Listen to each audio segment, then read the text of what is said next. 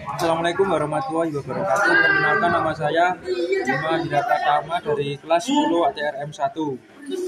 Saya akan membawakan tugas praktik yaitu tabel 1.6 yang berjudul bahan pakan.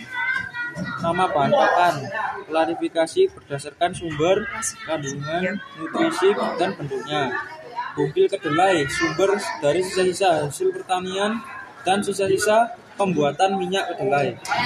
Kandungan nutrisi serat kasar 6%, protein 42, 7%, energi 200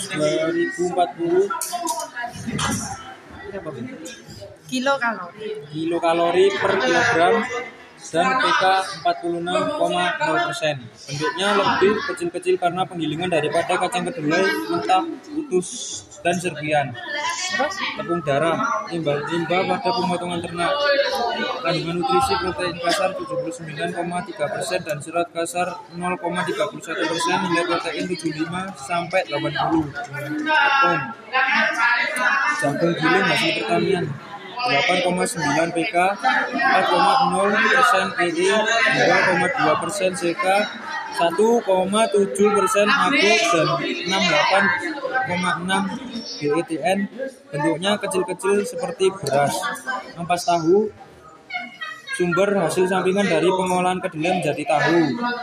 Kandungan dan nutrisi nilai protein 22 sampai 35, lemak 4 sampai 4,09 persen, karbohidrat 77,60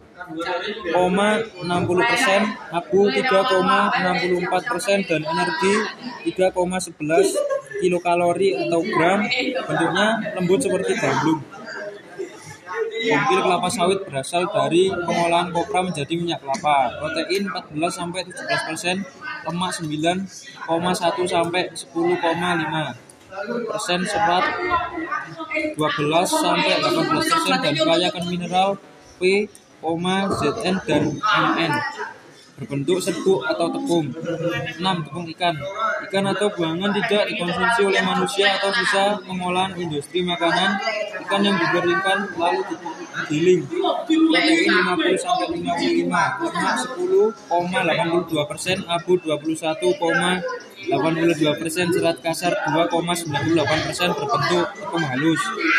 Whey dari susu yang dikeringkan energi 77 kilokalori protein 13 gram lemak 1 gram karbohidrat 3,69 kalsium 51, magnesium 36 mg berbentuk bubuk udang dari bagian yang tidak dikonsumsi manusia dan terdiri atas kepala serta kulit nilai protein 40 17,59 persen serat kasar 6,62 persen lemak, 18,65 persen abu, 13,16 DETN berbentuk. Sekian dari saya. Wassalamualaikum warahmatullahi wabarakatuh.